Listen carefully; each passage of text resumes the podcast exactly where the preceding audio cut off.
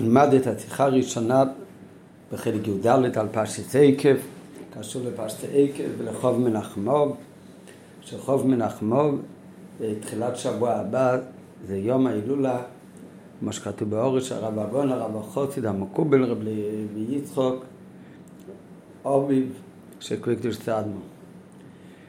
נלמד בשיחה, השיחה היא על אה, משהו בפרשה שלנו. יש את הסמיכות בין שברי לוחות לבין פטירתו של הארן. אז על זה טעם הסמיכות של שביר צלוחת למיצי סם בפרשתנו, אמרו חז"ל, וכך גם מביא רש"י בפרשה שלנו, כי כל שמיסוסן של צדיקים לפני הקודש ברוך הוא כשביר צלוחת. והנה כשתרס אמץ משווה בית עניונים, הרי זה השוואה אמיתית וכוללת. זאת אומרת שההשוואה של מיתתן של צדיקים עם שבירת הלוחות הוא לא רק בזה ששניהם קשים לפני הקודש ברוך הוא ולא רק בזה שגודל הקושי הוא שווה בשניהם כי אם שהם דומים זה לזה גם בתוכנם ואדרבה זהו הסיבה והדמיון בגודל הקושי שבהם אז הרי זה מסובב מהסיבה שהתוכן הפנימי שלהם יש שייכות זה לזה העניין הזה הרי מביא הרבה פעמים שכשהתורה משווה בין שתי דברים שיש ביניהם דמיון באיזשהו עניין חיצוני לכאורה, אז הדמיון בעניין החיצוני הוא תוצאה מזה שיש שייכות פנימית בין שתי הדברים. כמו שמובא הרבה פעמים על שתי דברים שיש להם אותו גימטריה, אז הקשר בין שתי הדברים הוא לא זה שיש אותו גימטריה, שזה סך הכל משהו חיצוני, אלא יש, חייבים לומר שיש בתוכן של הדבר שייכות. כתוצאה מזה שיש שייכות פנימית בין שתי הדברים האלה, אז זה מתבטא ורואים את זה למשל גם בזה שהגימטיה של שתי הדברים הם שווים. על דרך זה מביא הרב כאן, בנוגע למה שחז"ל אמרו שהתורה מסמיכה את עניין של מיצת הארן לשביר צלוחס, שמזה לומדים שקשה מיתתן של צדיקים לפני הקודש ברוך הוא כשביר צלוחס. שהפירוש הוא לא, שה, לא רק שהקשר בין מצוצן של צדיקים ושברי לוחס, שזה שתי עניין של צער, ויותר מזה שהקושי שבשתי הדברים האלה הוא אותו קושי, הקושי של מיצס הצדיקים הוא באותו דאגה כמו הקושי של שברי הלוחס, אבל התוכן של מיצס הצדיקים ושברי הלוחס בתוך לאו דווקא שם שייכות, הרי באדרבה, שיש בתוכן יש שייכות פנימית בין העניין של מיסוסן של צדיקים לבין העניין של שברי לוחס. כתוצאה מהשייכות בין שתי הדברים האלה מצד השובש שבהם, אז כתוצאה מזה גם הקושי של שתי הדברים האלה הוא אותו קושי. וכיוון שהם דומים זה לזה בתוכנה. הרי מובן שגם פרטי העניינים שמצינו בשברי לוחס צריך להיות דוגמתם גם במיתת הצדיקים. וצריך להבין שמהו הצד השווה זה שבירת הלוחות ומיתתם של צדיקים בכללות עניינם, או במה הדמיון דאפוטים. ובאמת צריך להבין שלכאורה בחיצנס לא רואים כל כך, חוץ מזה שזה שתי דברים אה, מצערים, אז לא רואים כל כך מה הקשר בין שבירס הלוחס לבין מיסוסן של צדיקים בכללות. וגם אם יש שייכות בכללות, אז יש גם שייכות בפרוטי העניינים, במה שווה הכללות העניין ופרטי העניינים בין שבירת הלוחית לבין פטירתם של צדיקים. או כמו שיצביע בהמשך בשיחה. רק לפני שממשיך להסביר את הצד השווה והתוכן המשותף בין שתי הדברים, אז הרב מתחיל להסביר קודם כל מהו בכלל עניין של שברי הלוחס. שאף על פי שלכאורה בחיצייני זה נראה עניין שלילי לגמרי, שמשה רבנו שבר את הלוחת, זה היה בהמשך לחטא העגל. ביחד עם זה, לכאורה מוכרחים לומר שיש גם עניין חיובי בעניין של שברי לוחס. וכמו שרואים את זה גם כן, שבני ישראל היו יוצאים למלחמה. אז כתוב שהיה יוצא איתם האורן הבריס, ואיזה אורן הבריס? זה האורן שהיה מונח בהם שברי לוחס. נראה בפנים בעוד ב'. והנה, אף ששבירת הלוחס היא צרה וקשה לפני הקודש ברוך הוא, מצינו שיש בה גם עניין למליותה. ההוכחה לדבר שמוכרחים לומר שיש בזה גם עניין למעליותה. כשהיו יוצאים מישראל למלחמה, היה יוצא עמהם הארון שבו מונחים שברי לוחות. לכאורה תמוה, הרי שברי הלוחות מזכירים חטאום של ישראל. ולא חטא סתם, אל חטא העגל שעליו נאמר וביום פוקדי ופוקדתי עליהם חטאוסום. שאין פורענות בעל ישראל שאין בה קצת מפירון עוון העגל. שזאת אומרת שחטא העגל זה החטא הכי חמור. ובכל עניין של אה, פורענויות שמגיע לעם ישראל יש בזה גם עניין של ענש כאילו פורענויות על חטא העגל. אז איך ייתכן ששבירס לוחיס לכאורה בפרשת זה היה תוצאה מחטא העגל. אז איך יכול להיות שבשעה שבני ישראל יוצאים למלחמה, שבזמן שיוצאים למלחמה יוצאים למוקם סקון, שאז זקוקים ביותר ללימוד זכות ולעצער וזרחמים על ידי מיתוס ומייצים טובים ועל דרך מה שנאמר כי תצא, על מח... כי תצא מחנה על אויביך והיה מחנך קודש וגמר שצריך אז להרבות בזכויות, אז איזה עניין יש כשיוצאים למלחמה, שאז צריך ריבוי זכויות, לקחת איתם דווקא ארון ושברי לוחות, שזה לכאורה מעורר עניין של קיטרוג ומזכיר דבר שלילי את חטא העגל.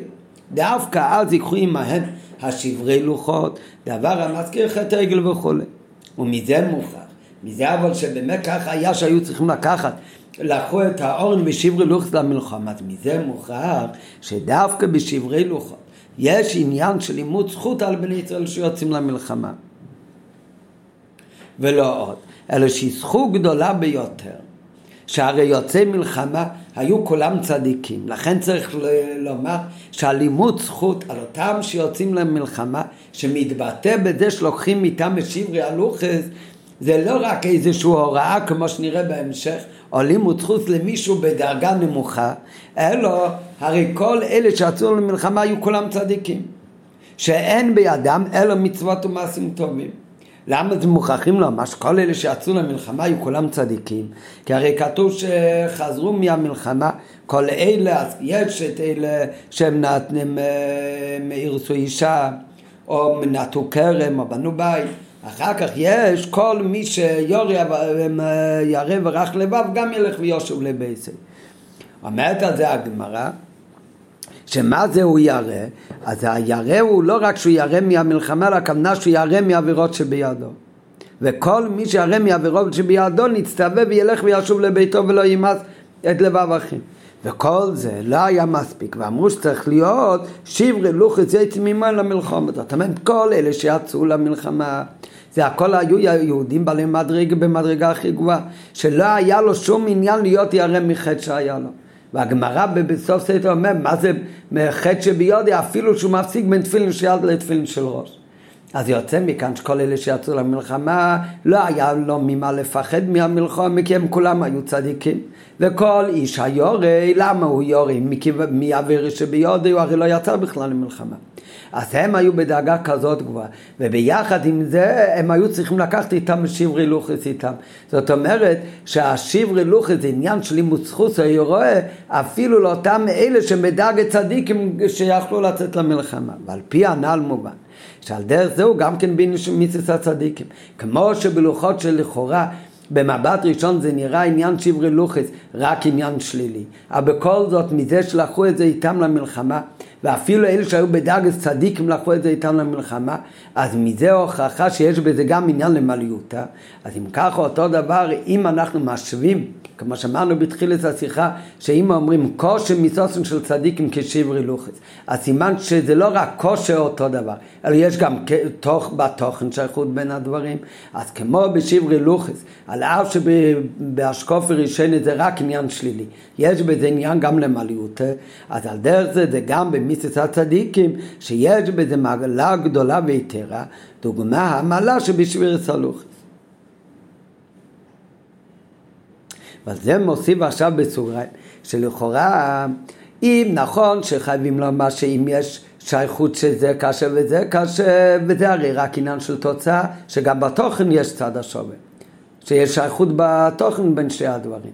ומכיוון שרואים שיש עניין של למעליות בעניין של שברי לוחס, ולכן לקחו את זה איתם שיגן עליהם. במלחומה, אז יש גם עניין של מעלה גדולה בעניין של מיסס הצדיקים. אבל עדיין הקושי לכאורה, קושי מיסס הצדיקים, כשברי לוחס, הקושי הוא הרי בפרט השלילי שבשתי הדברים, בצר שבעניין. אז על זה הוא מוסיף בסוגריים שגם העניין הנעלה שיש בשברי לוחס וגם עניין הנעלה במסעוסן של צדיקים, גם על זה שייך הלשון כושר מסעוסן של צדיקים כשברי לוחס. כי רואים שגם בעניין למעליותא משתמשים חז"ל בלשון קשה. כמו שכושר לזב גם כקריאת ים סוף. שהעניין של קריאת ים סוף זה הרי בוודאי עניין שהיה למעליותא, נס גדול ביותר מהמעצים שבתרא, וביחד עם זה הלשון הוא קושי כקרס ים טוב, יש למה שהביטוי קשה מתתן של צדיק לפני הקודש ברוך הוא. כשבירס הלוחס נרמז גם העילוי שבשני עניינים אלו, כי קשה לפני הקודש ברוך הוא, מצינו בעניין שהוא תכליס הטבע. כמאמר רז"ל קושי כקרס ים טוב, שקרס ים היה אחד הניסים היותר גדולים ונעלים. וצריך להבין מהי באמת המעלה במצוותים של צדיק, כאילו בשבירתן של הלוחות, דלכאורה איך שזה הם עניינים שכל כולם הוא ההפך המיילה. והנה, אז ג' מנהל גב, גב בלוך, צריך שנאמר שהעמלה בלוחות הראשונות היה עמלה כפולה, שגם הלוחות מייצא לקימו ועוד מעלה והמכתב מכתב לקימו, חרוט על הלוחות. לעומת הלוחות השניות, שהקדוש ברוך אמר למשה רבינו, פסול לך, שמייסה הלוחס היה מייסה משה, ורק הקדוש ברוך הוא מכתב היה מכתב אלוקים. לעומת זאת בלוחות הראשונות, אז היה לוחות מעשה אלוקים המה וגם המכתב היה מכתב אלוקים. היינו שהיו בהם שתי מעלות. א', מעלת הלוחות מצד עצמם, שמייצה אלוקים המה, עוד לפני שנחקק בהם על ידי הקדוש ברוך הוא. הסרט הדיבריס, עצם הלוכיס זה כבר היה מייסה לקים חיים. ביחד עם זה היה מעלה נוספת, מעלתם מצד מיכטל לקים אחורוס על הלוכיס. זה כבר עניין שני היה.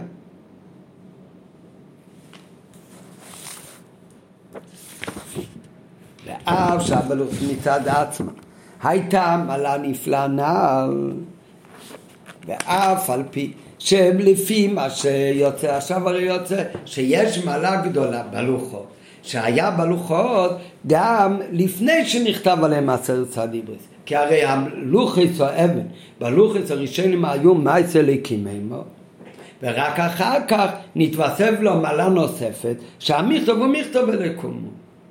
אז מה יוצא מזה? שלכאורה גם אם ניקח אחר כך את המעלה של מכתוב ולקימו, עדיין נשאר לכאורה המעלה הראשונה שהייתה בלוחית שזה מייצר לקימימה.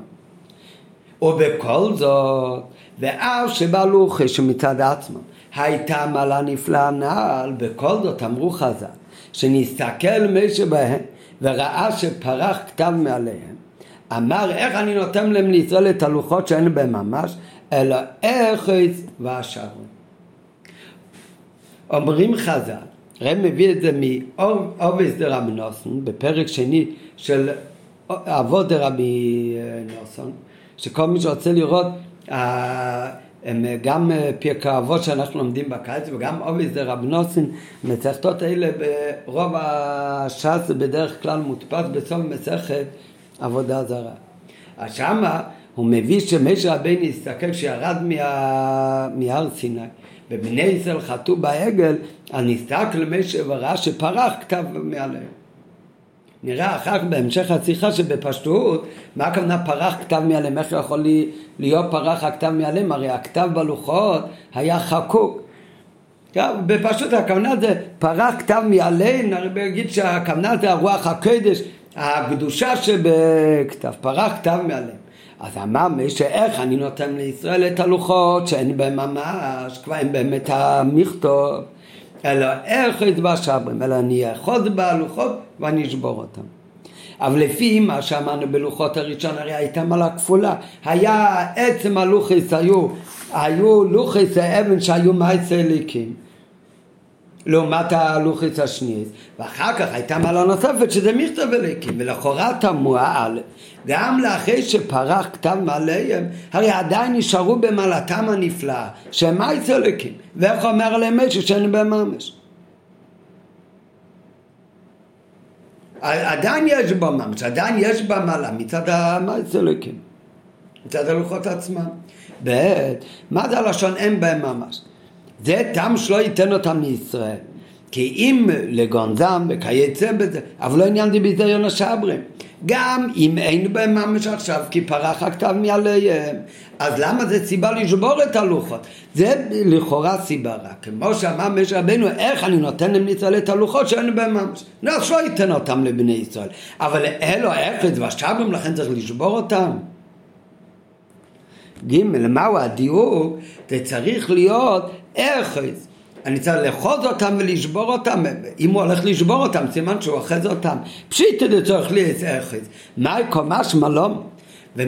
ומוסיף בסוגריים, בפירוש זה שאין אמס כשלוקחו מיעסקנים וכו'.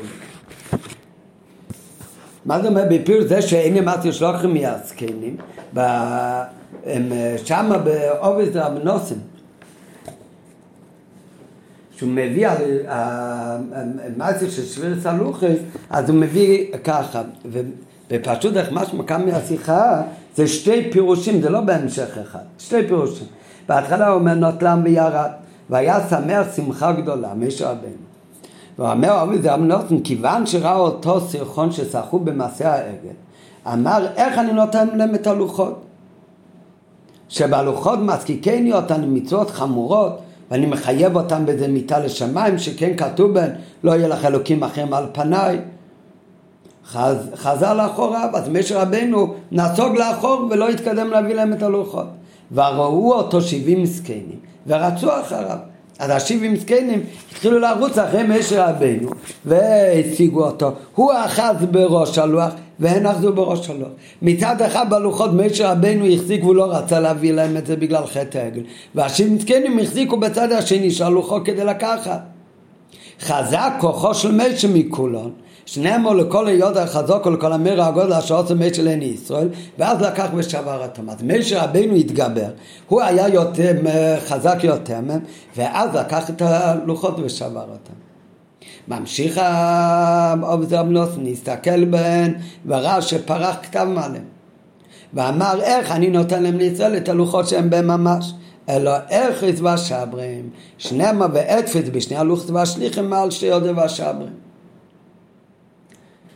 אבל בפשטות הנסתכל במבורש של פורח כתב מעליהם זה כבר פירוש שני, לפי הפירוש הראשון, משה רבנו לא רצה להביא להם את הלוחות כשרה שחטאו בעגל. ולכן הוא נסוג לאחור, ואז הזקנים הגיעו ורצו לקחת בכרך ממשה רבנו את הלוחות, ולפי הפירוש הזה עוד מובן שהוא אחד והשברים, שמשה רבנו התגבר עליהם ושבר. אבל בפירוש השני לא מוזכר כל העניין הזה שהזקנים אה, הם אה, החזיקו בלוחס. אלא משה רבנו לבד החזיק בלוחס, והוא ראה שפורח מקצב מעליהם. אז אמר משה רבנו, איך אני אביא לבני ישראל דבר שהיינו בהם ממש? אז אלו אחת והשברים. אז כאן מה זה הלא שאין אחת? בוודאי, זה, זה הרי היה בידם של משה רבנו. וגם השאלה הקודמת, למה והשברים שלו יביא לבני ישראל, יגנוז אותם, למה צריך לעשות בזה עניין של ביזוין של שבירה? וגם מה זאת אומרת, אין בהם ממש, כי אפילו כשאין את הכסף, הרי עדיין לכאורה נשארת המעלה של המייצר לקימימו, שזו המעלה הראשונה שהייתה בלוחץ הראשון.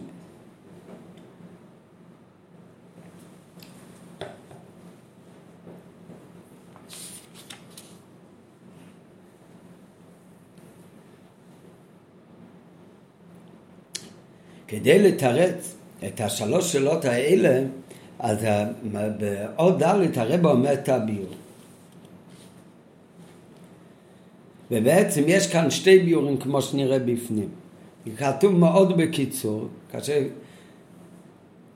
ולפני הביאה השני מתחיל בציגנן אחר בפנים מסעינין, אבל בציגנן אחר זה כאן לא רק אותו עניין בסגנן נחל, אלא בסגנן נחל זה באמת גם ביור באופן אחר קצת.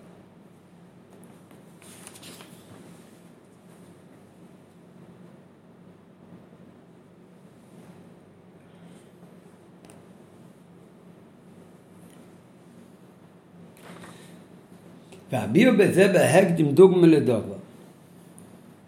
גולמי חומר הכי יקר, גם גולם של חומר הכי יקר, לדוגמה גולם של חתיכת זהב, שזה החומר הכי יקר, אינם חשובים עד כדי לקבל טומאה. כי אם צריך להיות נעשית כלי, והכלי צריך להיות גמורה בכל השלמות שעלה ברצון.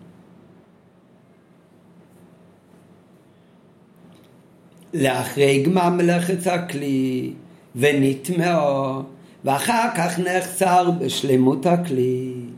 אף כמובן מענק הרי זה ירידה גדולה ממעלתה בכל זאת בטומאתה עומדת.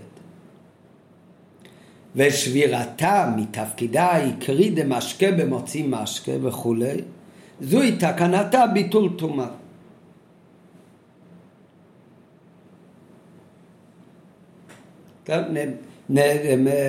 נתרגם לאט לאט פשוט את כל הקטע הזה כדי להבין מה כתוב כאן. יש הלכה בהלכות טומאה וטהרה, כדי שדבר יהיה ראוי לקבל טומאה, צריך להיות עליו תורת כלי. חתיכת זהב או חתיכת כסף גולם, הוא לא, הוא לא מקבל טומאה, שום טומאה. כדי שיהיה ראוי לקבל טומאה צריך להיות עליו תרס כלי. מה זה תורת כלי?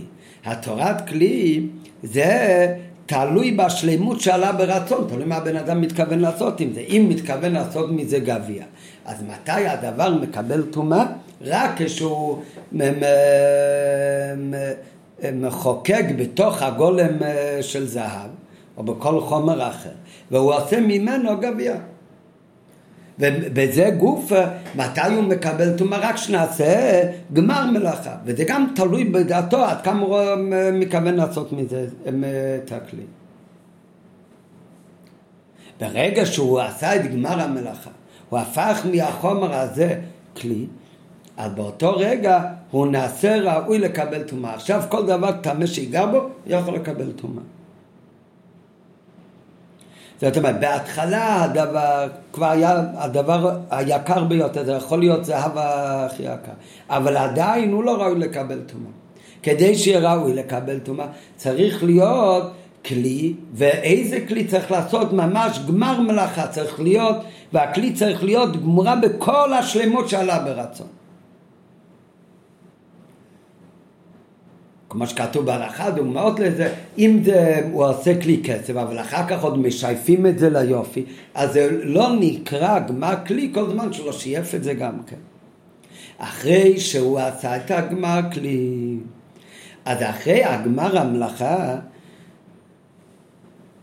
הוא נהיה ראוי לקבל טומאה, ואז כל דבר טמא ייגע בו, מה שיכול לטמא כלים, אז הכלי נהיה טמא. מה קורה אחרי שכבר נהיה טמא הכלי. אחרי שנהיה טמא הכלי, נחסר אחד מהשלמויות שהפכו אותו לגמר מלאכה בכלי. הוא נפגע מהכלי. הוא כבר לא בשלמותו. הוא נפגם בכזה פגם שמלכתחילה כשעשו את הכלי, אם היו עושים אותו ולא משלימים אותו מהמקום הפגם הזה, הוא לא היה נחשב בכלל לגמר מלאכה ולא יכול לקבל טומאה. אבל אחרי שכבר היה גמר מלאכה, והכלי נהיה טמא, ועכשיו נהיה למעלה בכלי איזשהו פגם. והפגם הזה זה ירידה גדולה בכלי וההוראה היא שבהתחלה כשעשו את הכלי אם היו עושים אותו בצורה כזאת ומחשבתו היה לעשות כלי מושלם לגמרי אז זה לא היה נחשב בכלל לגמר מלוך ועוד לא היה מקבל טומאה ועכשיו נעשה כזה פגם, אז מה הדין? הכלי עוד לא נהיה טהור. כדי שעכשיו הכלי נהיה טהור, אחרי שהוא כבר נטמע, אז הפגם הזה הוא לא מבטל ממנו תורת כלי כדי שיחזור להיות בחזרה טהור. עכשיו מה זה נהיה, מה נחשב לקלקל את הכלי כדי לתאר אותו? צריך להיות שלא רק שיהיה עכשיו איזשהו פרט שיחסר בשלמות הכלי, אלא עכשיו צריך להיות שבירתם זוהי תקנתם. רק אם זה, זה תלוי איזה דברים, יש דברים שיכול להיות גם להיות תר על ידי טבילה, אבל אנחנו מדברים עכשיו על תר שנעשה על ידי שהוא יאבד את תרס קלימי עליו. אז כדי שיאבד את ארץ קלימי עליו צריך להיות שבירה לגמרי, מה הכוונה שבירה לגמרי? שהוא כבר לא ראוי לגמרי לאותו עניין שהוא התכוון בהתחלה. לדוגמה, אם זה כלי לשתייה, אז אם זה במויצי משקה, צריך להיות כזה חור גדול שהכלי עכשיו לא יכול להכיל את המשקה, ורק אז הכלי חוזר להיות טוב. אבל אם יש איזשהו פגם בכלי, פגם כזה שמלכתחילה אולי היה מעכב את הכלי לשלמות שלו, אבל הפגם הזה הוא לא מספיק כדי שיחשב עכשיו לכלי שבוע שיתר אותו. נראה עכשיו עוד הפעם בפנים. גולמי חומר הכי יקר אינם חשובים עד כדי לקבל טומאה. זה שזה החומר הכי יקר זה לא מספיק כדי שיהיה ראוי לקבל טומאה. זה עוד לא מספיק חשוב. אם כי אם צריך להיות נעשית כלי. ולא סתם צריך שיהיה עליו נעשית כלי, אלא הכלי צריך להיות גמורה בכל השלמות שעלה ברצון. זה מצד אחד כדי להפוך אותו כלי גמור לקבל טומאה. לאחר גמר מלאכת הכלי, אם אחרי שכבר נעשה מלאכת הכלי ונטמע, אחר כך נחסר משהו בשלמות, אז לא אומרים שעכשיו זה חוזר כמו בהתחלה לפני שנעשה השלמות. אף שכמובן מהנ"ל, הרי זה ירידה גדולה ממעלתה. בכל זאת, בטומאתה עומדת, עדיין הכלי נשאר טמא. מה יכול לתאר את הכלי? ושבירתה מתפקידה העיקרי. דמשקה במויצי משקה וכולי, זהו תקנתה, רק זה מה שיבטל את הטומאה שכבר היה לה כלי. זה הלכה בהלכס טומא וטרא. מה זה קשור עכשיו לעניין של שברי לוחס? הביאו הראשון, מה שאנחנו לומדים עכשיו, זה ביאו על דרך הלכה, והנה, הלוחות היו לוחות האבן. הלוחות בכלל היו לוחות האבן. שהדין הוא שאבן אפילו כלי אבן, כלי מושלם, כלי עוון הם אינם מקבלים טומאה בכלל. והנה הלוחות היו לוחות האבן, שבאבן אפילו כלי גמור אינו מקבל טומאה. ועוד בעיקר, שבכלל הלוחות הראשונות, שהיו מייסליקים הם בכלל אבן לא מקבל טומאה, גם אם זה מייסי יודם. בפרט הלוחות שאמרנו מקודם שהיה גם מייסה אליקים הימו ואחר נוסף עוד עניין שזה מכתוב אליקים אז אם זה מייסה אליקים כל דבר שהוא ירד משמיים שהוא מייסה אליקים הוא בכלל לא יכול להיות עניין של תומה וטל לא יכול להיות עניין של תומה ועוד בעיקר אפילו בשר היורד משמיים טהור. שם הטהור זה סיפור בגמרא, הגמרא מספרת במצרך שבת על רבי שמעון חלפתא שהוא הלך והגיעו שם אריות מולו. אז הוא התפלל לקודש ברוך הוא מהפסוק וירד שתי חתיכות בשר. אז אחד הוא הביא לאריות והם אכלו והרגיע אותם. ואחר כך אחד הוא הביא לבית המדרש ושאל אם הבשר הזה הוא בשר טהור או טמא. וסיפר את הסיפור. ירד משמיים בדרך נס אז אמרו לו, כל מה שיורד משמיים טהור, לא יכול להיות עניין של טומאה. אז אותו, זאת אומרת, אפילו בשר יורד מן השמיים טהור הוא. שבשר מצד עצמו זה דבר שיכול לקבל טומאה. שם אולי גם הכוונה טהור וטומאה זה קשה או לא קשה, אבל גם לעניין טומאה וטהרה. אז, אז אמרו לו בבית המדרש, אמרו לו שבוס הייר משמיים תוירו, כל שכן שאבן, אבן שזה אפילו אבן שלא יורד מהשמיים, אלא אבן מלמטה הרי גם כן זה חומר שבכלל לא מקבל טומאה, אפילו כלי אבונים, בגמר מלוכה גם כן זה היוצא מן הכלל, הכלים היחידים שלא יכולים לקבל טומאה, כלי אבן לא מקבלים טומאה. אז כאן זה נוסף לזה, בנוסף לזה שכלי אבן בכלל לא מקבלים טומאה, הרי זה גם יורד משמיים, זה המעשה לקים עמו. והרי אפילו על בוסר יורד משמיים, אמרו לו שתוירו על אחת כמה וכמה לוחי שמעשה לקים עמו. זה לא רק יורד משמיים, אלא זה מעשה לקים עמו. אז מה כאן כל העניין של טומאה ביתר? זה רב כותב, אומר, אבל הוא על דרך שאמרו שביג דה קדש מידוס לחטוס. ועמדו בה בנידן דידנו בירידה במים. אבל מה זה על דרך, כמו שכתוב ביג דה קודש, שביג דה קודש הכוונה, בגדים שהם טהורים לעניין של קודש, גם לבית המקדוש, אבל לעניין, להלכות של חטוס, להלכות של פור אדומה, מסתכלים על זה גם כן כמו תומר. זאת אומרת, אפילו מה שטוהר לקודש, שזה הדרגה הכי גבוהה בתארת, אבל לעניין חטו זה נחשב כמו תום הכי חמור, תומאס מידרוס. זאת אומרת, לגבי דבר מאוד גבוה, אז אפילו מה שטהור לגבי מדרגה אחת, למדרגה נלית יותר זה נחשב כמו תומה. והמדובר בנידין דידן הוא בירידה במיילה. אז אותו דבר כאן באמת מדובר על לוחות הברית. ולא שייך להם בכלל המושג של טומא וטרא, מצד הלכיס טומא וטרא בגשמא ובפרשס, אבל זה על דרך, המושג של טומא כאן זה כמו ירידה במעלה שלו. ומכיוון שזה דאגה הכי נעלה בקדושה, שזה היה מה אצל הקים הימו והמכתב מכתב אליקים, אז לכן הירידה שלו זה כמו עניין של טומא, זה כמו שביגדי קודש הם מדרס לחטוס. אז איך זה מתרץ עכשיו על ה... את כל השאלות ששאלנו מקודם? אז זה מאוד בקיצור, אבל ננסה להשוות עכשיו את הלוחות לקטע הקודם שהוא מדבר על, הגול, על החומר גלם שעושים ממנו כלי, ואחר כך נעשה בו, נעשה בו ירידה, אבל בכל זאת כדי שזה יחזור להיות טוב צריך להיות סבירה.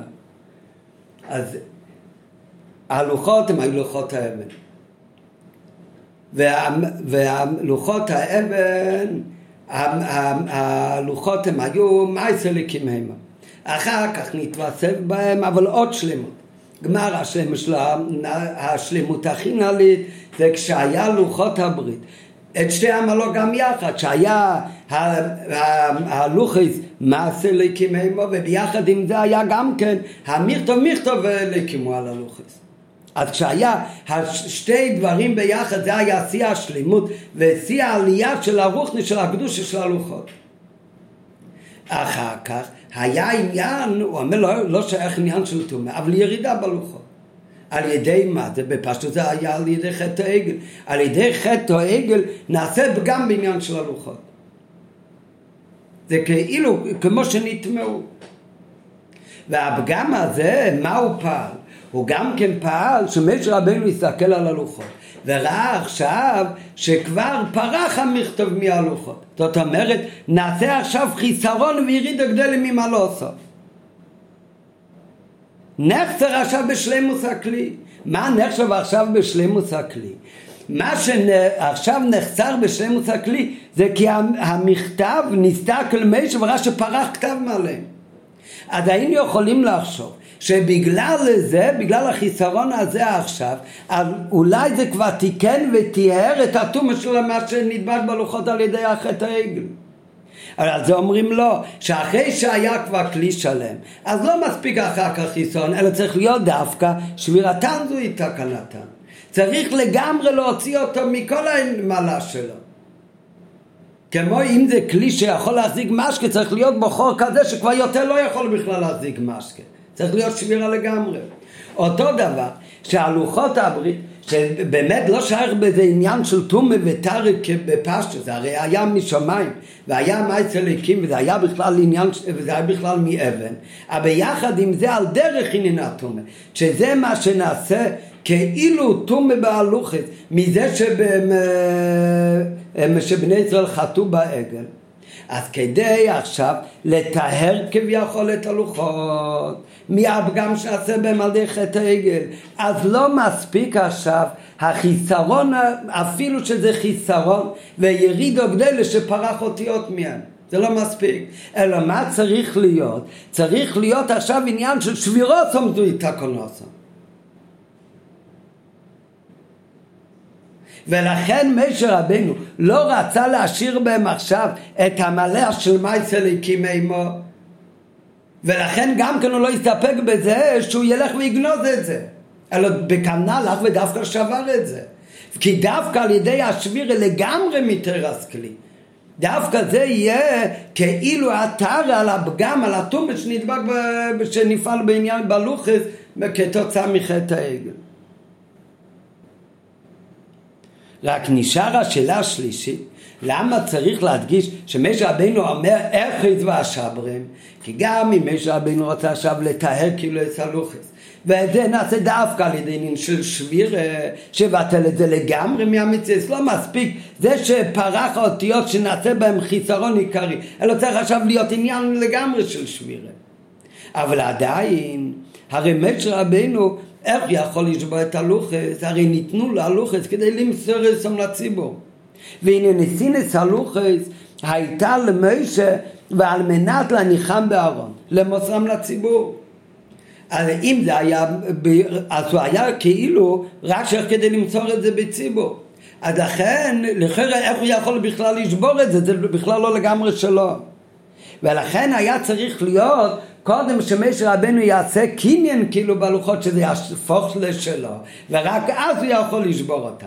ולכן קודם של שברם היה צריך להיות, להיות אחד שיהיה שלו לגמרי ועל ידי שזה נהיה שלו לגמרי אז על ידי זה הוא זכה בהם. והרב מביא כאן באורן שממה שכתוב באמת שם חומר שהיה לוחי שישות פוחים בגובה בשני טפחים עליונים אחז הקודש ברוך הוא. משה רבנו אחז בשני טפחים בשליש התחתן. ומשה רבנו גברו ידיו של משה ואחז את הלוחות. בזה כאילו נעשה קניין של משה רבנו ואז הוא יכל לשומרום ולתאר את הלוחות אז זה, זה הארבע שורות האחרונות זה בשביל לתרץ את השאלה השלישית, מהי ההדגשה בויחס. זה הכל עניין על דרך הלוכה, שכאילו הלוחות על ידי חטא העגל נעשה בהם עניין על דרך כמו עניין של טומא וכדי לטהר את זה עכשיו אז כבר לא מספיק שיהיה בו רק חיסרון ופגם, אפילו שזה יפעל כבר ירידה גדולה בכלי, שזה מתבטא בזה שפורח עסיס מעליהם, אלא זה לא מספיק, אלא צריך להיות עניין של לגמרי שבירה ורק זה מה שמתאר אותה. זה, זה על דרך הלוך. עכשיו בסיגנן אחר, זה הכל באותו, בסיגנן אחר, בפנימיס העניינים, ונראה בהמשך שבסיגנן אחר כאן זה כאילו ביור אחר בכמה פרטים זה לגמרי אחר ממה שלמדנו עכשיו. בסיגננה, מכיוון שהמכתב אלוקים היה חרוט על הלוחות, באותיות החקיקה.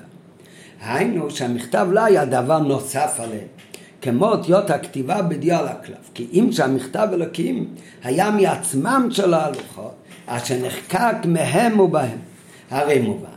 כי העילוי שהמכתב אלוקים פעל בהלוחות הוא באופן שנתעצם בהם בתכלית. אנו שעל ידי זה נעשה מציאות, מציאותם האמיתי, המכתב אלוקים החקוק בהם.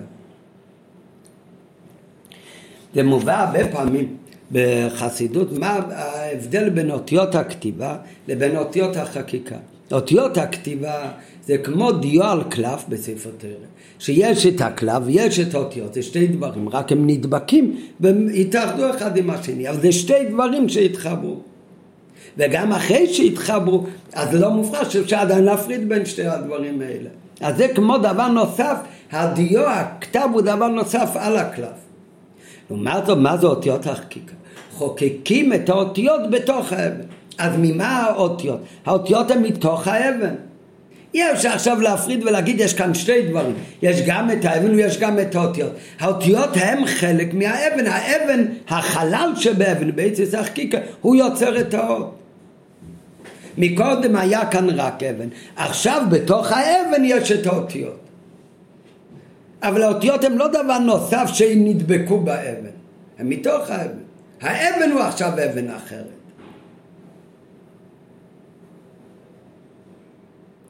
כמו שזה בגשמיות, שבגשמיות אומרים שבדיו על הכלב יש כאן שני דברים, נשאר העניין של הכלב ויש עוד עניין עכשיו, בנוסף לעניין העצמי של הכלב עליו, אבל יש כאן גם כן את הדיו שכותב משהו על הכלב.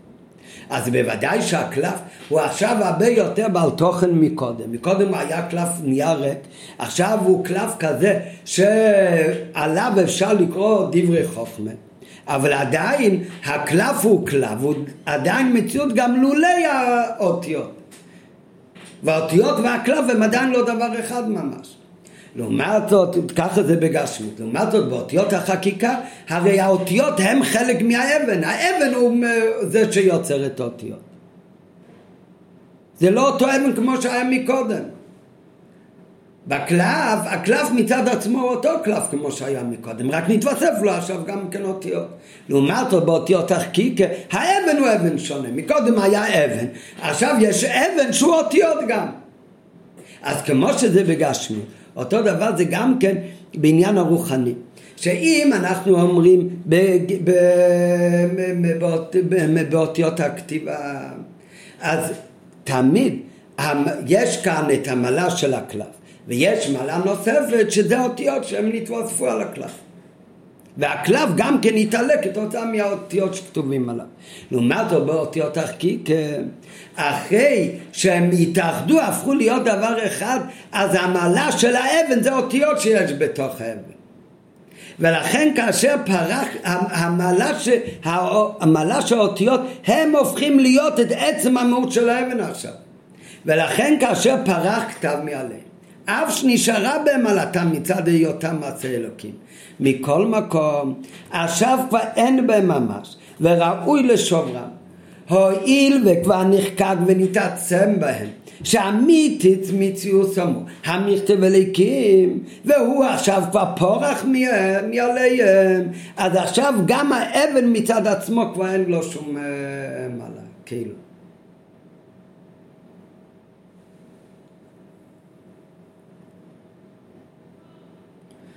זאת אומרת, האבן, הרי היה לו מעלה נפלאה עוד לפני שנכתבו עליו בעשרת הדיבס. ומה היה המעלה שלו? והמעלה שלו הייתה שזה מה אצל הקימים. אחר כך, שבתוך האבן נחקקו עשרת הדיברס, שזה מעלה עוד יותר גדולה. אז והמלה הזאת עכשיו היא לא דבר נוסף באבן, כי המלה הזאת זה באופן של חקיקה, זה נהיה עכשיו המלה של האבן. אז אחרי שהאבן עצמו קיבל את המלה, האבן עצמו קיבל את העמלה של, של אותיות של עשרת הדיבריס, שהמכתוב מכתוב אליקימו, אז עכשיו זה הפך להיות לא דבר נוסף, זה מלה העיקרית של האבן, זה הופך להיות עכשיו המלה שלו. ועכשיו המעלה, מעלה של מייס אליקים הם מלכות, זה כבר לא נחשב למעלה בכלל. ולכן עכשיו כשפרחו האותיות מעשרת הדיבריס אז עכשיו באמת מה יגישו בלוחות האלה שאין בהם ממש אין כאן כבר שום מעלה כי אחרי שהוא התעצם עם המעלה של אותיות הכתיבה. כי כמו שאמרנו מקודם שבעצם החקיקה זה הופך להיות דבר אחד.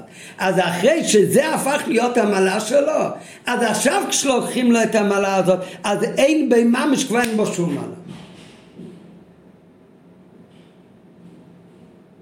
זאת אומרת, כל זמן שלא היה כאן את אותיות המכתוב ולקמחורוס על הלוחס, אז באמת היה מעלה גדולה בלוחס מצד המייס אלוקים עמו.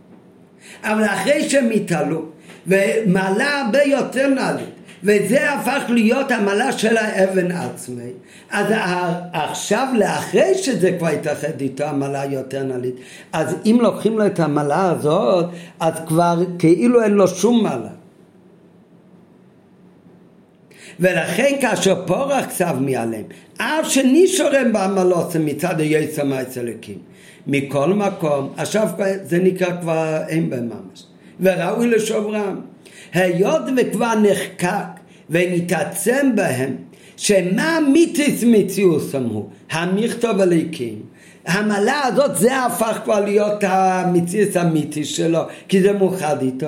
והוא פורח מעליהם וזה כבר פרח ממנו. אז עכשיו מה שנשאר זה כבר דבר שאין בממש וזה השבירה שלו בפנימיס עניונים זה הכוונה שנשברו הלוחות. כתוצאה מזה גם משה רבנו בפרשת שבר את הלוחות.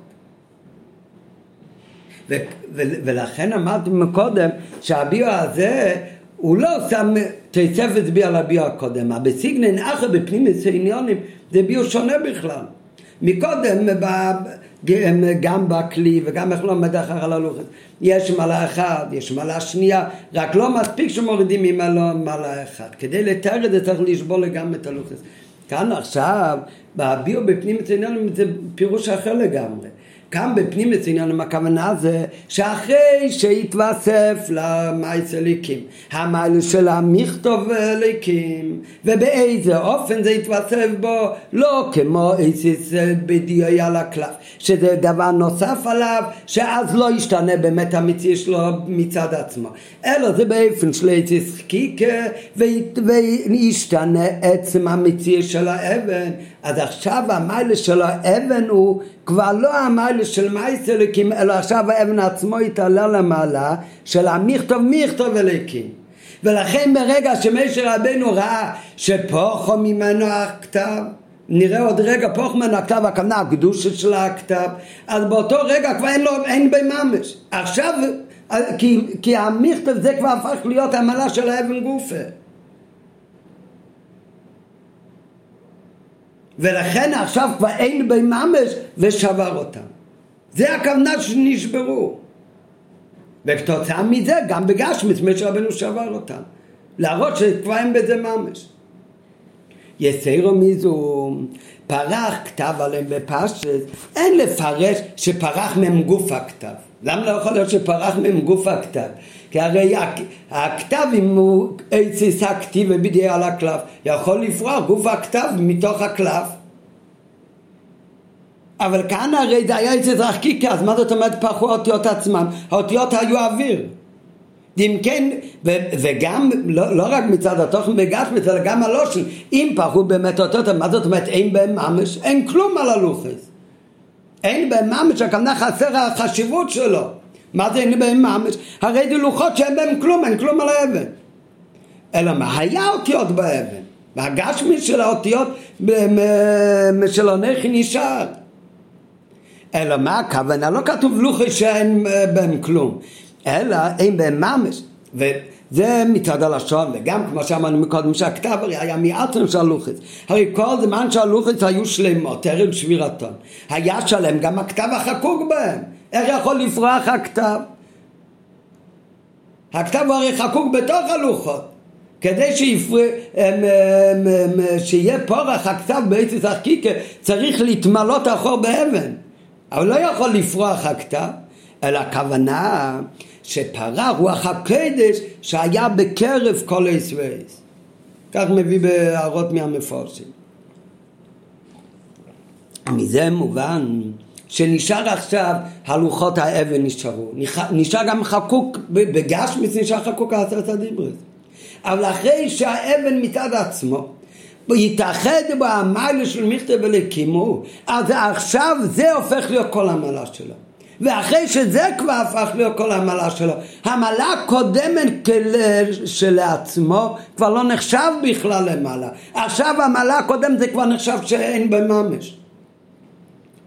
ומזה מובן שהמיתיס האמיתי של הלוחס האיסו לא רק גוף הכתב אלא בעיקר הנשומה הרוח שבכתב שלכם כאשר פרח הרוח הנשמה של הכתב הרוחניס הקדושה של הכתב אף שנשארו האותיות בצורם עכשיו כבר אין בהם ממש. חסר בעיקר העניין. אז למסקנה מה יוצא מהסיגנל אחר בפנים העניונים שהיה בלוחית, בהתחלה באמת היה מלא אחד של מייסליקים שזה הגש משלוחת. אחר כך יש מכתב אליקים, ומה הכוונה מכתב אליקים? כמו שהוא אומר בסוף בסוגריים המרובעות, לא רק המכתב הגשמי, אלא הכוונה הנשומה והרוח שבכתב, הקדוש שבזה. ואחרי שזה התעצם עם הלוחות באופן של חקיקה, אז זה הופך להיות כל המעלה של הלוחות. עד כדי כך שעכשיו כשלוקחים את המעלה הזאת, אז כל הלוחות עם המעלה הראשונה שלהם הופכים להיות שהם בהם ממש. וזה פירושו של שבירה בלוחס.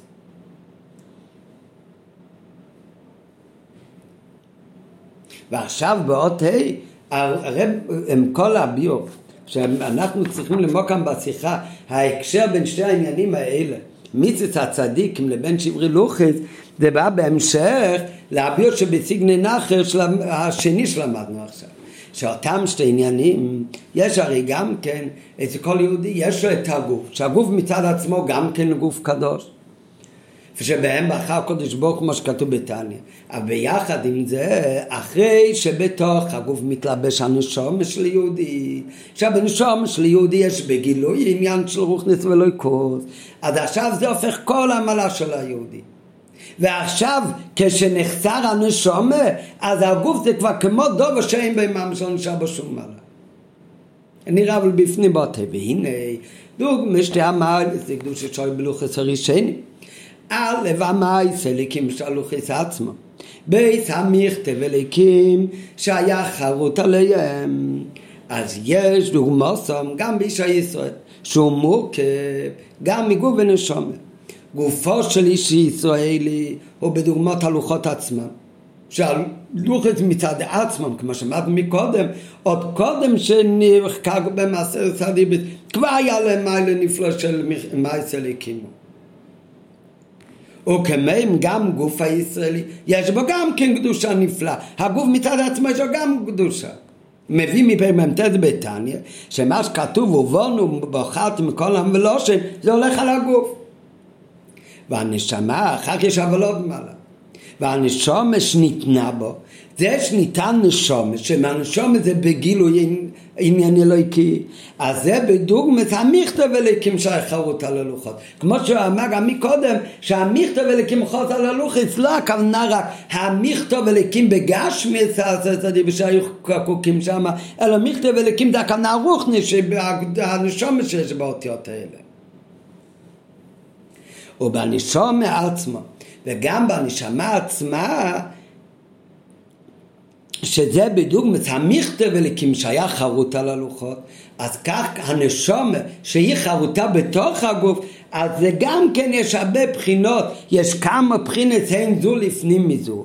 בכללות, גם בנשום יש יותר עמוק ויותר עמוק, כמה דרגות, בכללות זה נשומה ונשומה דנשמוסה, על דרך הנעל, שגם במכתב אליקים יש כמה דרגות, יש את המכתב אליקים, הג...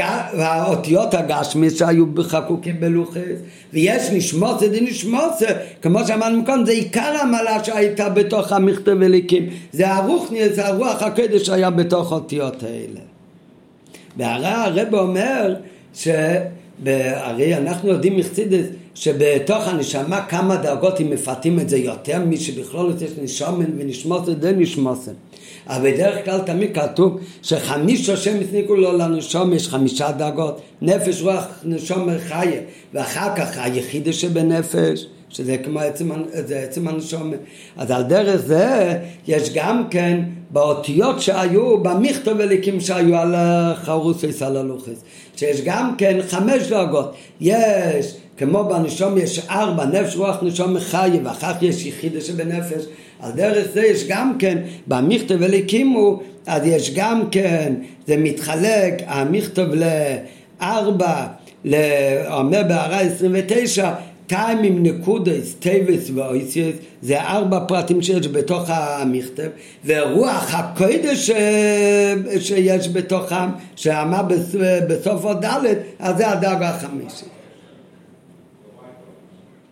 וכמו שהלוכס, אם היות שלא חרה הם עניין לעצמם גם מבלעדי המכתב אליקים שהיה חרוט עליהם שהרי מציאותם של הלוחות הייתה קיימת קודם שנחת במסרת הדיברס וכמו שאמרנו מקודם שגם אז כבר היה להם מעלה של מייסל הקים עמו והיה תקופה שהיה להם רק את המעלה הזאת עד שנחת בהם זה שנחת בהם הסרט הדיברס הרי היה אחר כך ובכל זה, בכל זאת, לאחרי שכבר נחת במסרת הדיבריס. מכיוון שזה יתאחד איתם המעלה הזאת, הם יתעלו בעילוי עצמי, עד שכל מציאותם הוא המכתב אליקים, עד שכל מציאותם הפכה להיות המעלה הגבוהה יותר של מכתב אליקים, ובאופן שכאשר פורח הכסף, אז זה כבר באופן שהם בממש, הוא בא לשביר את, והם באו לשביר והפסד מציאותם כנ"ל. זה גוף שנחסר להם המעלה הנעלית יותר, זה כבר עניין של שביר אצלם. זה הפסד מציאוסם, כי כל מציאוסם הפכה להיות המעלה יותר גבוהה. אותו דבר זה מקביל גם בגוף הישראלי. דעה שאין ניצבו שרש הגוף העצמוסי מנשמוסי אלא מטיפס אובי ואימי שיש מעלה שהגוף הוא לא תלוי בנשום. וכמו שבלוחס הוא אומר שהיה הזמן שהיה המייס אליקים של הלוחס עוד לפני שנחת בו המכתב אליקים. אז גם התערבות של הגוף. קודמו לזמן שניתנו בי נשמוסי כך זה היה בנגיע לאודם ראשון כתוב בבריאה שכמו שאמרנו פעם בשונה משאר הבעלי חיים שהדרבה אומר שהם צמחו מהאדמה גוף ונפש ביחד אבל בנגיע לאודם ראשון כתוב שהקדוש ברוך הוא מקודם עשה מאופן מן האדום עשה צורת סודם ואחר כך ויפח בנשמת חיים רק אחר כך נעשה בו גם עניין של הנשום. אותו דבר זה גם כן. אצל כל אחד אין ניצב ושרש ועצמוס מנשמוסי אלא מטיפס אובי ואימא שקודם נעשה הגוף ורק אחר כך נתלבש בו הנשום בגוף.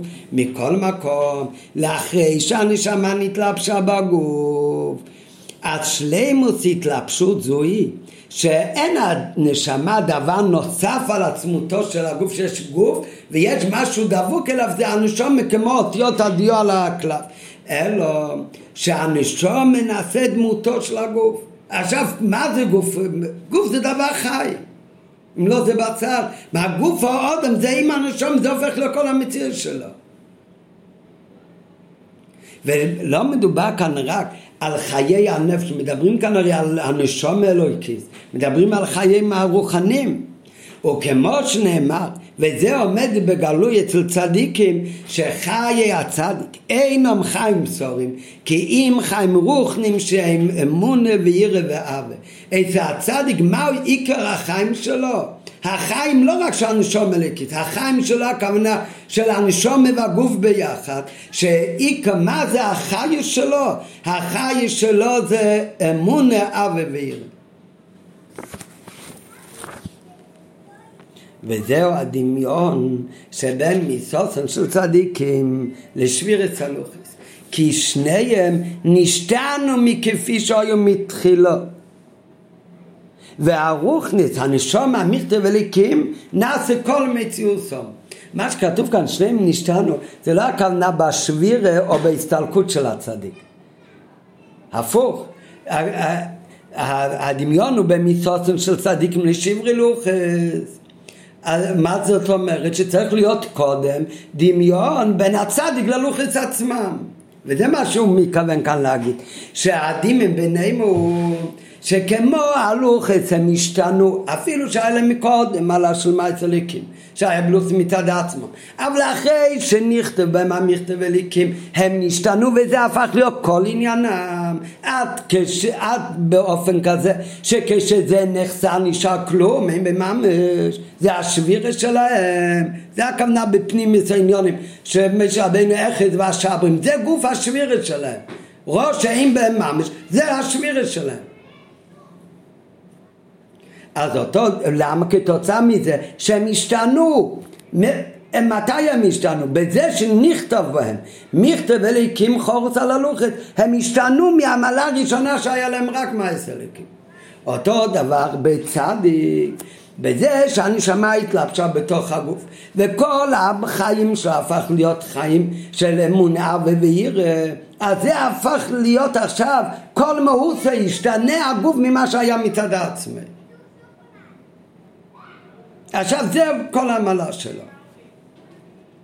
ולכן זה הדימין ביניהם, זה הוא כבר לא אומר כאן, זה כבר ההמשך.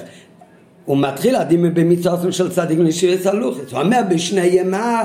בשניהם הם השתנו השתנו זה לא המיסה והשבירה, הם שתיהם השתנו הכוונה, הצדיק השתנה כל הגוף שלו בזה שהופך להיות איקה מלוסי אמונה ווירש של הנשומת.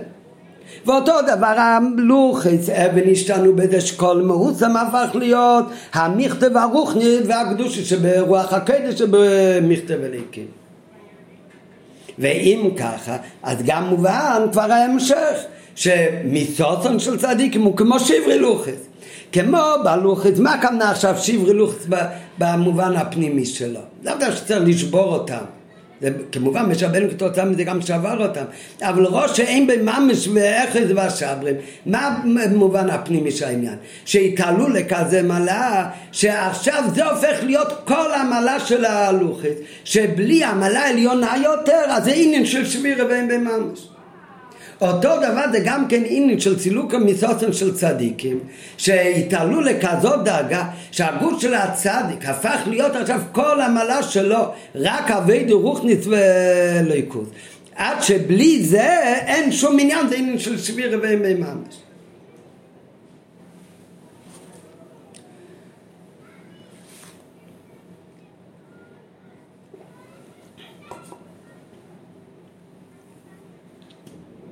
עוד דבר, על פי כל הנעל, לפי כל ההסבר שלמדנו עד עכשיו, ודין, ואפשר גם להבין מהו העמלה בזה שלקחו את השברי לוחס איתם למלחמה. וכאן זה הכל הפירוש, צריך להסתכל עכשיו על זה שלקחו איתם את השברי לוחס באורן, שהשברי לוחס זה בעצם מבטא בכלל את העמלה של הלוחס. בפל בוודאי בגשמיס נשברו הלוחס וגם כעניין על, uh, בהמשך לחטא העגל. אבל במובן רוחני מה מבינים כאן מהשברי לוחי שמונחים כאן? שברגע שהתעלו הלוחס לדרגה יותר גבוהה אז זה כל כך התאחד איתם שבלי המעלה הנלית יותר אז גם המעלה הקודמת כבר אין בהם ממש. זה התוכן של העניין. זה תוכן המעליות השביר עצמו זה לא המעלה, אבל מהשבירה אנחנו יכולים להשיג את גודל המעלה של ההתאחדות של המעלה של המכתב אליקים עם המייס אליקים של הלוחס. והעניין הזה זה הרואה בעבודת השם שהיא כל כך חשובה וצריכים להזכיר אפילו לאותם אלה שהיו בדאגס צדיקים שיצאו למלחמה. על פי כל הנ"ל יובן גם גודל האלוהי שבשברי לוחות. ושייכותו למלחמה כנ"ל שכשהיו יוצאים למלחמה היה יוצא מהם הארון שבה הם מונחים שברי לוחות. תוכנה של מלחמת בני ישראל הוא אף שהיו דר דיו במדבר. היו בדאגה מאוד גבוהה כשהם היו ארבעים שנה במדבר. אבל עכשיו צריך לעבור את הירדן ולכבוש גם נחלת גויים ארץ כנען. לעשו ישראל לארץ ישראל שארץ שאין אבל לקחו במריסת השונה ודחת שונה וכל כמה שלא נכבשה כל האורץ כולו זה עדיין הרי זה מלחמת מצווה לכבוש נחלה גויים ולעשות את דיר להסבורך כך זה בגשמית וזה מבטא גם כן התוכן הפנימי הרוחני של עניין של מלחמה כמו בגשמות, היה מקום שהיה ארץ כנען, היה בשליטה של הגויים, ובני ישראל לא הספיק שהם היו מצד עצמם במדרגה גבוהה שהיו במדבר דיו, אלא היו צריכים להיכנס לכבוש את ארץ כנען, להוציא את זה מידי הגויים ולהפוך אותם לארץ ישראל, לארץ אשר תום מדי נהווי לקחו במריסת השונה ועד אחי שונה, להעלות את זה מלאום הזה לתחום של קדושה ולא מספיק שכבשו חלק מארץ ישראל, אלא כל זמן שלא כבשו כל ארץ ישראל, אז כל המלחמות האלה הם בגדר של מלחמת מצווה, שאדם צריך לכבוש עוד ועוד. שכמו, וכל התוכן הזה היה לא בגשמות שבני ישראל התיישבו שם, אלא לכבוש את נחל הסגויים ולהפוך את זה למקום קודש לאסיס לא יסבורך דירו בתחתונים. והיסר רוץ וכח לזה מאיפה שואב, שואבים את הכוח לזה שהוא לא יסתפק במדרגה שהוא כבר הגיע בעבודת השם אלא צריך ללכת לכבוש עוד ועד שמלוא כובש כל המקומות שהופכים אותו לדיר להסבורך, אז זה עדיין מלחמת מיצו, הוא עדיין לא עשה מספיק. אז מאיפה לוקחים את הכוחות על זה? זה מה שלומדים ומזכיר לנו השברי לוחס. כמו שהלוחות שמצד עצמם כבר היה להם מעלה, איזה מעלה כבר היה להם? שהם מייסליקים. אבל בכל זאת, כשיכולים להתעלות למדרגה יותר גבוהה, וכשהם יתעלו למדרגה נייליס יצר, שזה המיילה של מכתב אליקים, אז עד כדי כך שעכשיו אם פוחו ממיילה זו, אז זה כבר יהיו בהם ממש, כבר לא נשאר להם כלום. אז זה גוף העניין הזה מעורר את אותם אלה שיוצאים למלחמה.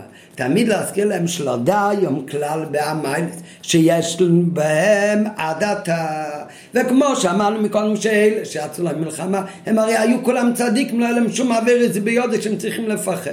אז הם היו כבר צדיקים אז יש להם כבר מלא מלות אז מה חסר להם עכשיו שהם צריכים ללכת לכבוש עוד חלק מהגויים להפוך את זה לקדושה אז זה מה שלומדים מהלוחס, משברי לוחס, שלא מספיק מה שיש להם את המאליס עד עתו, שהם צדיקים וכולי כנ"ל, כי אם יש מלחמת מצווה וחייבוי לאזור את כל הכוחות לכבוש ובלושן הרמב"ם כל ארץ ישראל האמורה בתורה שזהו כל, כולל זה שציווה משה רבנו מפי הגבור לאכוף את כל באלם לקבל מצווה שנצטוו בני נח שיקבל עיסון זה לא לכבוש גם כן בגשמיץ את המקום וגם על כל בני נח שנמצאים במקומות האלה.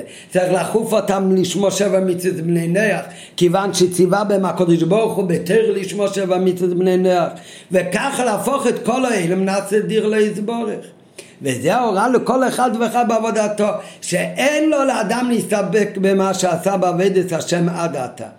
ואפילו אם כבר הגיע למדרגת צדיק, עדיין מצווה וחובה היא לעלות למדרגה נעלית יותר.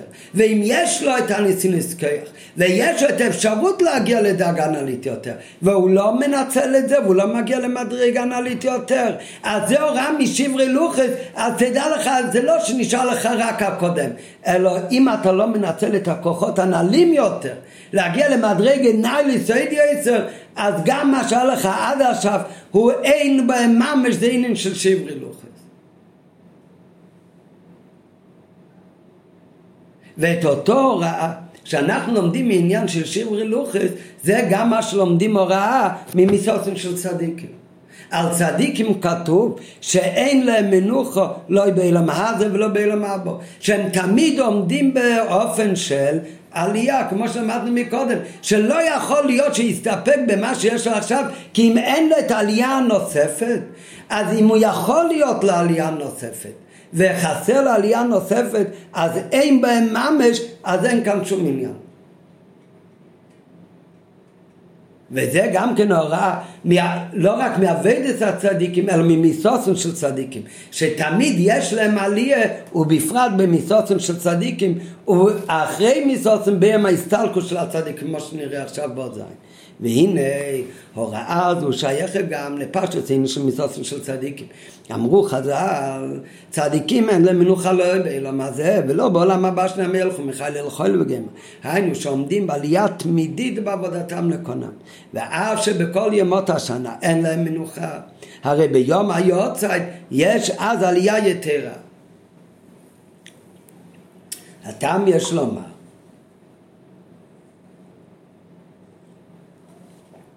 גם למה יש עלייה גדולה ביום פטירתם ואחר כך כל שנה ביום היוצא. מבואר בכמה מקומות, בכדי לעלות למדרגה עליונה יותר, שהיא באין עריך למדרגתו הקודמת, הרי זה על ידי הקדמת הביטול ממדרגתו הקודמת. יש הבדל בין עלייה שיש לבן אדם ממדרגה למדרגה נדיס יסר, ששתי הדרגות הן אבל בערך אחד לשני. שכדי לעלות למדרגה יותר גבוהה לא צריך להיות הקדמה של ביטל ולשכוח על המדרגה הקודמת, אלא אדרבה. מה שיותר, הוא יהיה מונח במדרגה הראשונה, זה יעלה אותו למדרגה השנייה. הוא לא צריך לצוג אחורה, לא צריך להיות עם הביטל. בן אדם כדי לה, לה, להבין שארבע כפול ארבע זה שש עשרה, הוא לא צריך קודם לשכוח שארבע ועוד ארבע זה שמונה. הפוך, מה שיותר הוא מבין את הדבר הראשון, את השלב הראש, הראשון, זה מביא אותו לשלב השני.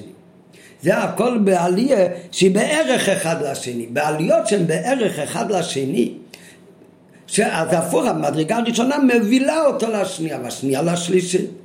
לעומת זאת, יש עליות שהן באין ארוך. כמו שתמיד מובא בחסידות, הדוגמה על זה שהביע אחד מהמוראים שרצה לה, לה, לה, לעבור מלימוד בבבלי לאופן לימוד של ירושלמי. הכתוב מכיוון שזה סוג לימוד אחר לגמרי וזה כמו עלייה שבאין ערך אז הוא צם עצומות כדי לשכוח ממנו בבלי, כדי שיכול להיות כלי ללמוד ירושלמי. למה באמת? כי כשזה עלייה שבאין ערך, זה אופן לימוד שונה לגמרי, אז כאן יהיה אפשר להגיד מה שיותר, הוא יהיה מונח במדרגה ראשונה, זה גוף היוביל אותו למדרגה שנייה. הפוך, זה איפן אחר לגמרי, זה באין ארוך יותר נעלה. מה שעוד, כל זמן שהוא מונח באופן לימוד הראשון, זה רק מפריע לו לעלות ולהתחיל באופן אחר שהוא באין ערך. אז אותו דבר זה גם כן בעלייה שיש לנשומה. כדי שהנשומה היא תתעלה ממדרגה למדרגה יותר נעלי, שבאין ערך יותר גבוה, אז מהי ההקדמה? זה לא שלמות מהמדרגה הקודמת, שזה בוודאי גם היה לו, אבל לא זה מה שיוביל אותו למדרגה הגבוהה באין ערך מזה, אלא דווקא עבודה של ביטל ממדרגות הקודמת. כך מצביע האדמו"ר הזקן בהקדמה לשעה ייחוד ואמונה גם את הפסוק שבע יפול צדיק וקם שלפני עלייה שבאין ערך מוכרח להיות עניין של נפילה. נפילה הכוונה כמובן לא נפילה לעומת הבן אדם רגיל אלא נפילה הכוונה הביט לעומת המדרגות הקדמת ובין מדרג למדרג טרם שיגיע למדרגה עליונה ממנו הוא בחינת נפילה ממדרגה ראשונה ועל דרך זה גם זה עניין של מיסוסן של צדיקים, שמיס זה עניין של ביטל מציאות הקדמס. וזה דווקא המיסה, שזה ביטל המציאות הקדמס, זה ההקדמה והכנה לעלייתם מאלם הזה לגן עדן, שהעלייה מאלם הזה לגן עדן זה עלייה שבאין ערך. ועל דרך זה, ולכן בכל שנה ושנה ביום היוצא, כאשר מתעורר העניין כמו שהיה בפעם הראשונה אז יש אחר כך כבר בגן עדן גופה גם כן עליות שהן שלא בערך. אז כל שנה כמו בפעם הראשונה עלייה אצל הצדיק זה היה עלייה שבאין ערך לכן זה קשה עם עניין של ויטול לעניין שהוא יוצא ממציאות הקדמת לכן יצא גם מהגוף.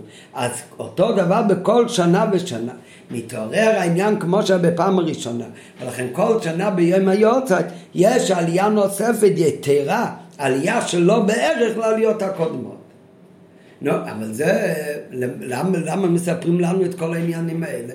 זה הרי עלייה שיש למעלה, זה הלכס לגן עדן, מה זה נוגע לנו את כל העניינים האלה?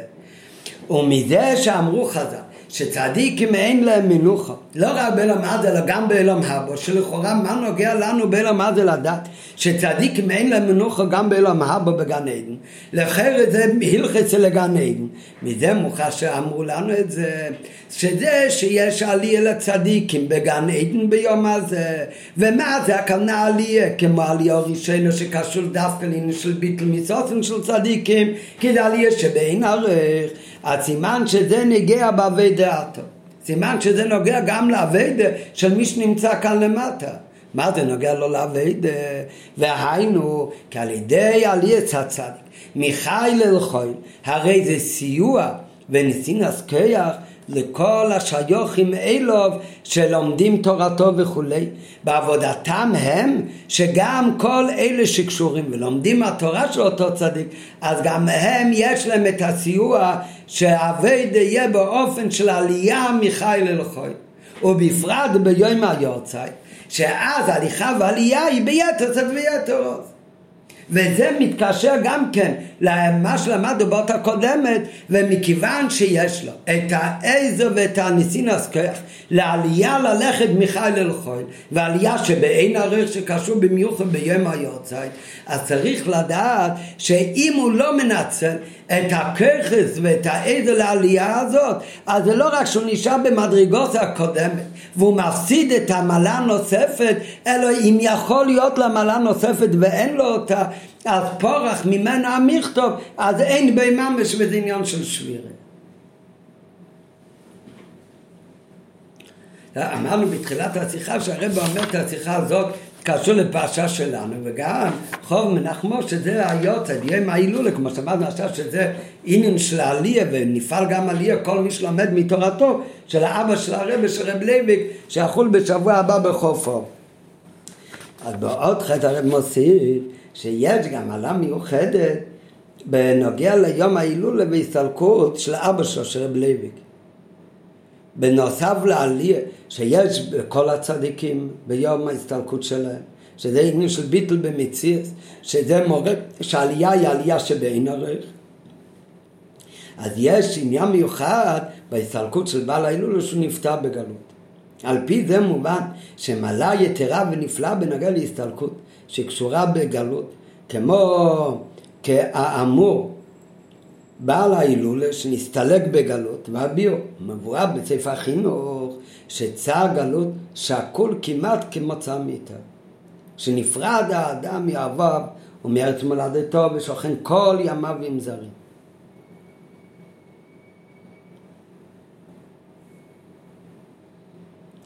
כמו במיסה, הנשמה נפרדת מהגוף ומכל העולם הזה, מחיז היעלמה.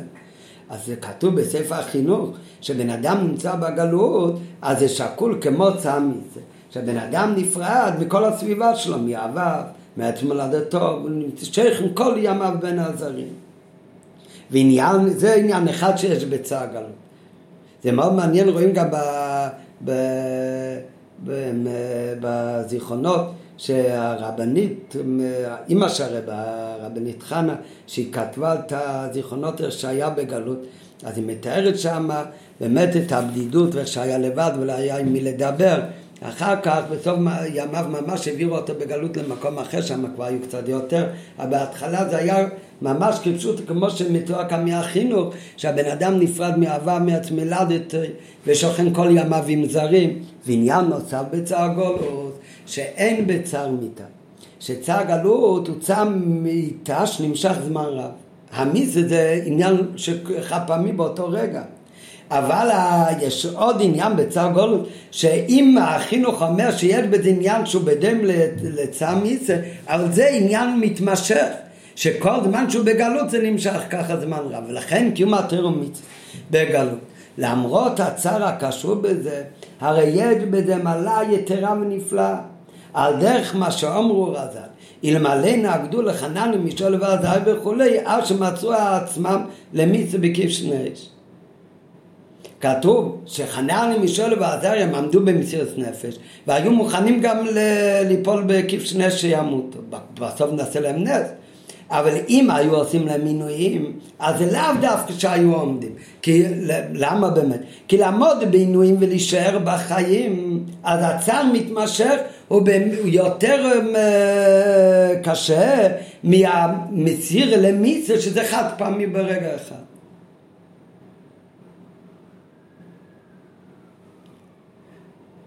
אז זה עניין של מסירת נפש, אבל לא מסירת נפש חד פעמית, זה מסירת נפש מתמשך.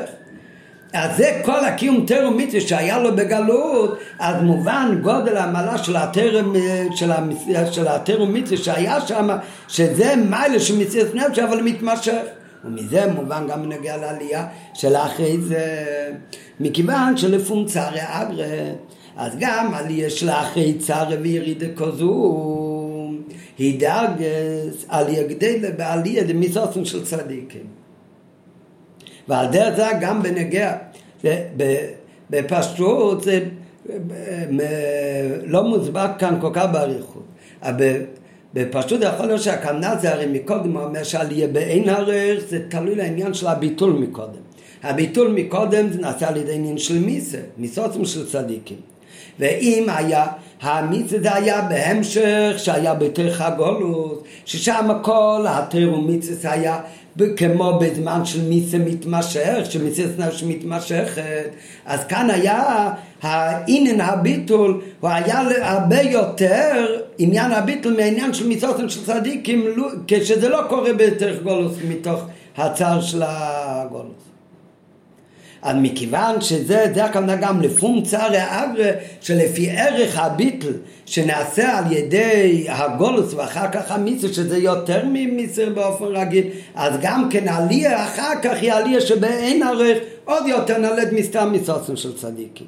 ומזה מובן גם בנגיע לעלייה של אחרי זה, דכיוון שלפום צערי הרי עלייה של אחרי הצערי וירידה כזו היא דאגת עלייה גדולה בעלייה של מסוסן של צדיקים בתוך מסוסן של צדיקים גופה זה עלייה עוד יותר נעלית מהרגיל. ועל דרך זה הרי אמר מקודם בסוף עוד זין, שזה שיש עלייה בגן עדן, זה פועל גם עדה וסיוע לכל אלה שמתחברים ולומדים מהתרא שלו כאן למטה, אז גם כשעלייה היא יותר נעלית למעלה, אז זה גם בנוגע לסיוע וניסינזכח כנ"ל, לכל השייכים אליו, על דרך מים רדל דבוסר רישי גופי עוזים, אף שהם נמצאים במקומים, במקומות שונים, ובפרט על ידי לימוד תורתו, שאז הרי זה ייחוד נפלא שנראו כמו ולא כי הכל נמצא כלל בגשמיאס. ועל דרך זה בכללות העבודה, על ידי עבודת העלייה מחיל אל חיל בזמן הגלות. שבזמן הגלות, אז זה מקודם דיבר על הגולוס שאבא שלו, שבלוויק היה, ושם היה לו צער הגולוס, שזה ביטל. אז אותו דבר, זה הרי הזמן הגולוס של כל עם ישראל, זה גם כן עבד את השם מתוך הגולוס. זה נשום, בזה גוף, יש נשום בגוף, ודגולוס זה בתוך גולוס. שעל ידי חטא צדק שדונו בגירושין ולאחרי זה בתוך גולוס דגלינו מעצנו אז יש הרי את הגולוס אצל כל אחד גם כן. יש את הגלות דבר ראשון שהנשמה יורדת בתוך הגלות של הגוף ואחר כך בזה גוף, אה, אז יש איך שהנשמה התלבשה בתוך גולו של הגוף באל המעשה, אבל על ידי חטא עץ הדת, הרי נעשה ירידה בכל אל המעשה, אז זה כבר עניין של גולוס עוד יותר, הירידה בתוך הגוף הוא באל המעשה איכשהו אחרי החטא. ואחר כך יש, על ידי גולינו מארצנו אחרי חורבן הבית, יש גלות נוספת, ובגלות זה עצמי, זה גלות משכונה לשכונה, בגלות זה עצמי, בפרט בעבודה של ימות החול, זאת אומרת גם אחרי חורבן הבית, אז גלו ממקום למקום, ואחר כך בזה גוף יש את ימות השבת, שאז יש עוד יותר גילויי, לעומת ימי שכיל, שאז נרגש עוד יותר עניין של גולות. אז מה שיותר יש ירידה של גולוס, אז עבודת השם זה יותר קשור לצער ולביטל, אז הרי זה החונה, לאביידה והדגה דלמעלה מעליות. אז זה גם צריך להביא עלייה הכי גבוהה.